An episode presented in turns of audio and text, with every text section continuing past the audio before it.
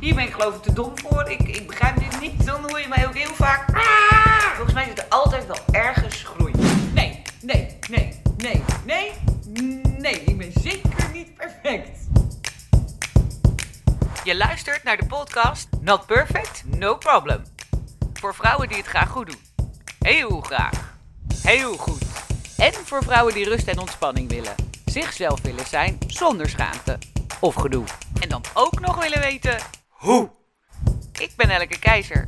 Ook ik ben zo not perfect. Nee, nee, nee, ik ben zeker niet perfect. Ik ben Elke Keizer en welkom bij de tweede aflevering van de podcast Not Perfect, No Problem. Ik begin maar meteen eventjes met een biecht. Namelijk, uh, ik ben wel een vrouw, maar ik vind andere vrouwen ongelooflijk ingewikkeld. Altijd al gevonden. Op de lagere school had ik uh, bijna geen vriendinnetjes. Ah, oh, zielig. nee, dat was niet zo zielig. Het was ook een beetje een keus. Want ik kon gewoon veel beter met de jongens overweg. Daar kon je tenminste fatsoenlijke dingen mee doen. Zoals voetballen en hutten bouwen en uh, redelijke gesprekken meevoeren en zo. En die hoefde ook niet steeds te giechelen of nagels te lakken of over make-up te praten of enzovoort. Want daar had ik dus nul talent voor. En ook weinig interesse voor. Maar ja, daarmee week ik natuurlijk wel aardig af van de rest. Dus dat vond ik dan ook wel weer een soort van gek aan mezelf. Maar goed, ik was nog een kind. En dan hoop je heel erg dat als je later groot wordt, dat het dan beter wordt. Helaas, dat was dus niet zo.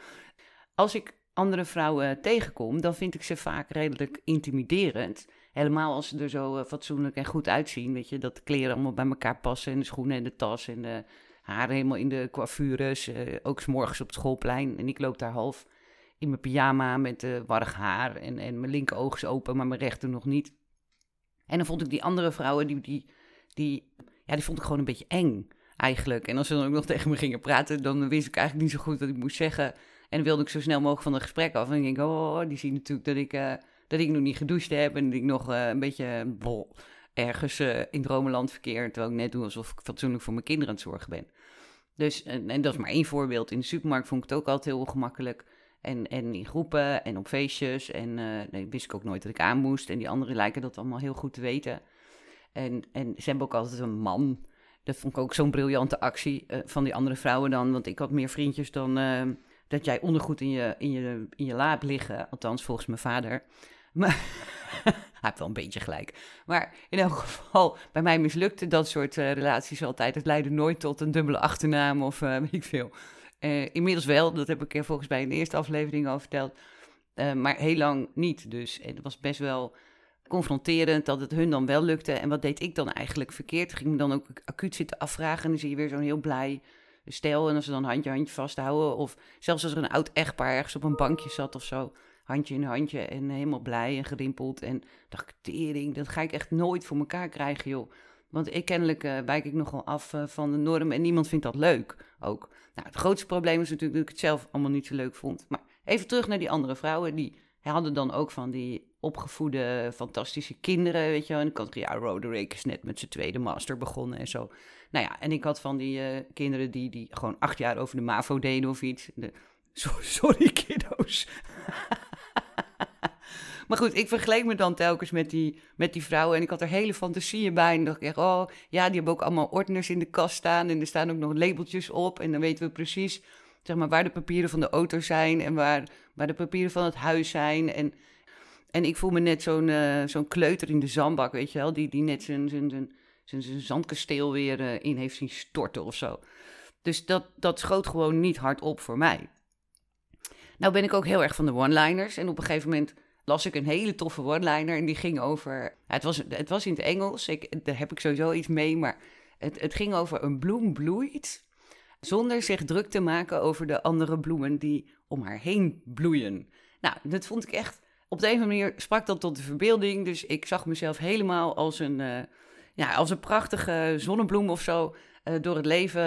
Ja, wat doet een bloem eigenlijk? Die loopt natuurlijk niet, maar in elk geval bloeien. En ik denk, nou, weet je, dat kan ik.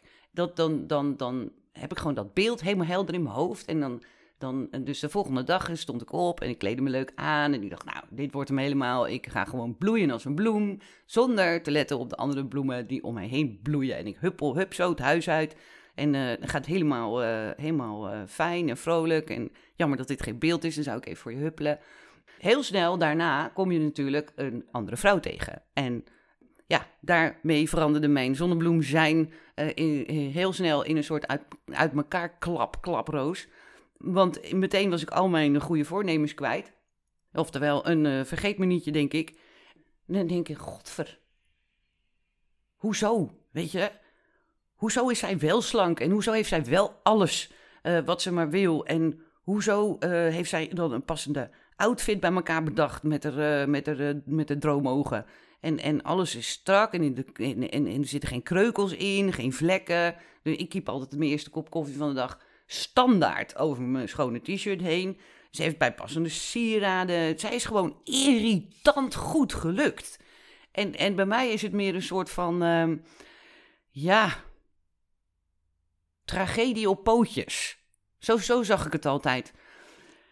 En jou, en dan, en dan die, die irritant brave kinderen die niet schreeuwen. En, en of, of, of, of ik denk, nou, ze hebben vast kleinkinderen of zo, die, die op tijd gaan lopen. En dan laten ze allemaal fijne foto's van zien. En ik, ik heb geen eens tijd om foto's van mijn kinderen of mijn kleinkinderen te maken. En die kinderen eten ook de korsten van hun brood braaf op. En ik zit elke keer die randjes eraf te zagen om in godsnaam nog maar iets in, in dat kind te krijgen. En, ze doen opleidingen die lukken. Hè. Ja, Roderick, uh, even naar de Unie brengen. Ik heb geen tijd om te praten. Tering, perswijf, weet je wel. Ze heeft ook geen cellulitis en... en, en en, en ze heeft een. Oh ja, ja. Nee, nee, helemaal briljant. Ze heeft ook een sportschoolabonnement. En daar maakt ze ook echt gebruik van. Ik heb hem ook, uh, maar ik hang meestal helemaal verkeerd ondersteboven in een of ander vaagapparaat. En ben ik echt eh, voor de rest van de sportschool heel hilarisch. En, en voor de zoveelste keer neem ik me dan voor dat ik dit echt nooit meer ga doen. Maar ergens in de zeer nabije toekomst ben ik natuurlijk toch weer het bokkie bij mezelf. En dan ga ik, ga ik, ga ik me weer opgeven voor zo'n mislukte actie. Nou, dus dat. Dus andere vrouwen over het algemeen vind ik eigenlijk helemaal niet leuk. nou, was dit ook meteen de laatste keer dat je hebt geluisterd. Maar is het dan nog goed gekomen? Vraag je je nu inmiddels waarschijnlijk af. Ik vraag het mezelf inmiddels uh, af of het nog goed gekomen is met mij en andere vrouwen. Het antwoord is jawel. Maar daar was wel iets voor nodig, want niet, niet superveel trouwens. Maar soms brengt het leven je uh, ontmoetingen. En dan, en dan leer je daar ineens iets van, zonder dat het hun bedoeling was dat jij daar iets van zou leren. Dat zijn overigens de meest mooie ontmoetingen. Nou, zo heb ik een keer een vrouw ontmoet. En die was altijd vrolijk en had altijd een hele blije lach op haar gezicht. En, en als ze binnenkwam, dan uh, was op mijn werk. En als zij binnenkwam, dan had ik, uh, voordat de deur überhaupt dichtgevallen was, had ik al allerlei zonnestralen in mijn beeld, want dat was zij. En, en minstens vijf complimenten in mijn achterzak. Nou kon zij ook snel praten, ze kon bijna net zo snel praten als ik. Maar dan nog, dat voelde in elk geval heel erg goed.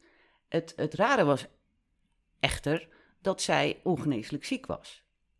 En ondanks dat ze dus ongeneeslijk ziek was, kostte het haar geen enkele moeite om zich op mij te richten en mij uh, complimenten te geven over wat ze waarnam en, en wat ze leuk aan mij vond. En dat uh, maakte zoveel indruk op mij dat ik haar ben gaan kopiëren. En dat mag trouwens. Je hoeft echt niet ieder wiel zelf uit te vinden of iedere gedachte hoeft helemaal fijn en blij van jezelf te zijn of heel origineel. Of je mag gewoon dingen van anderen jatten of kopiëren of uh, nakken, zouden mijn kinderen zeggen.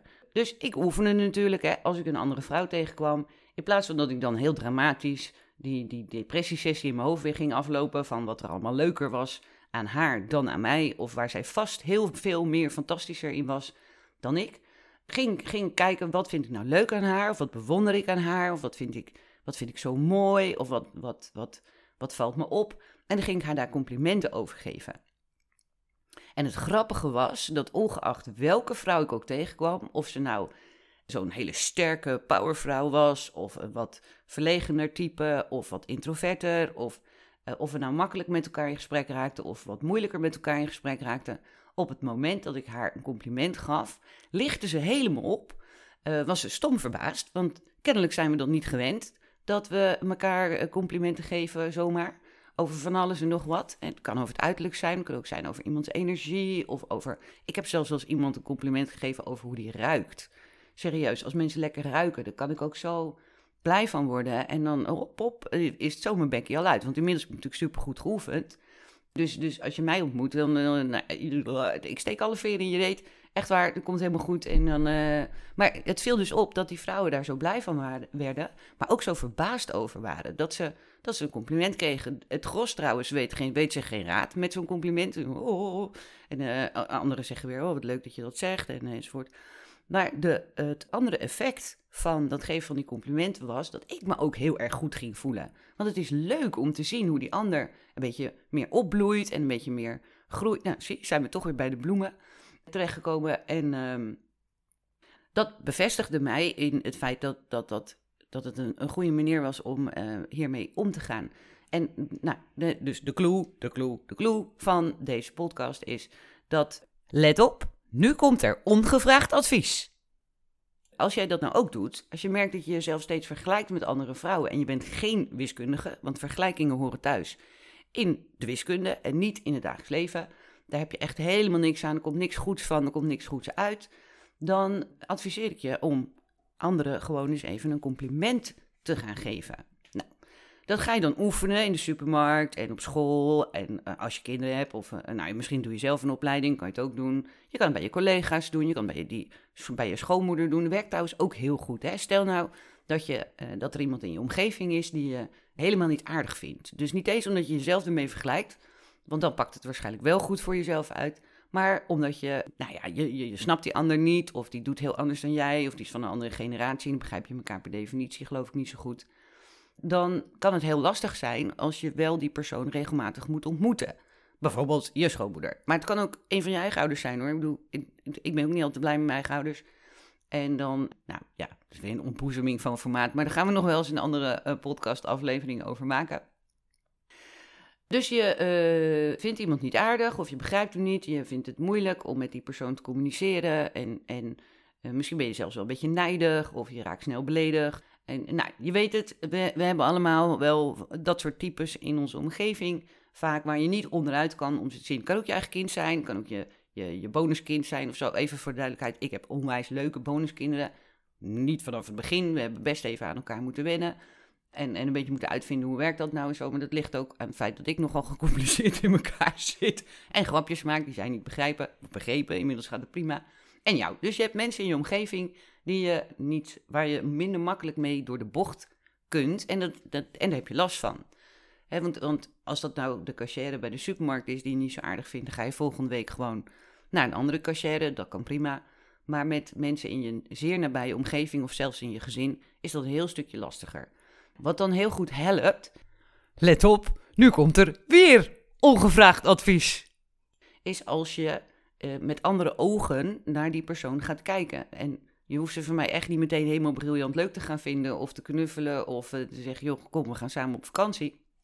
Zou ik vooral niet doen, omdat ik van je hou, ga ik niet met je op vakantie, zeg ik altijd.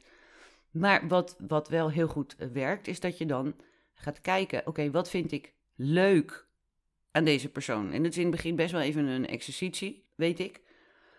Maar als je jezelf er een beetje toe dwingt, vriendelijk dwingen mag, hè? Dus, dus je hoeft echt niet heel lelijk en heel moeizaam en heel uh, vervelend voor jezelf te zijn, maar je mag best eens af en toe met jezelf afspreken: oké, ik geef mezelf een opdracht en dan ga ik me gewoon aan houden. Punt.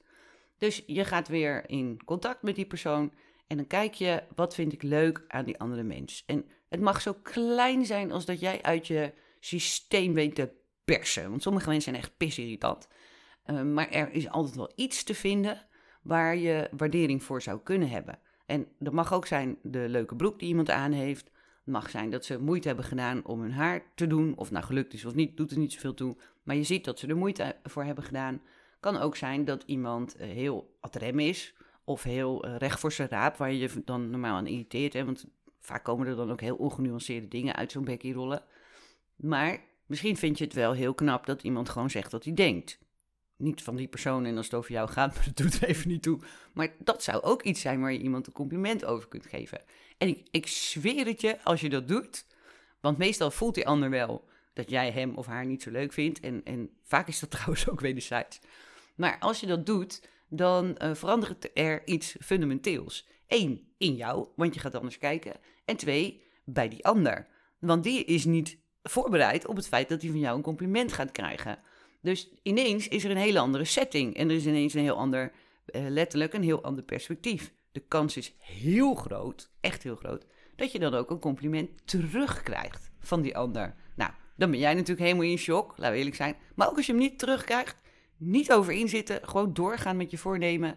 Uh, bij de eerstvolgende keer weer een compliment geven. Mag ook twee of drie zijn. Ik vind eigenlijk drie wel de norm voor het dagelijks leven. Dus als jij s'avonds op de bank zit en je hebt die dag geen drie complimenten aan een ander gegeven.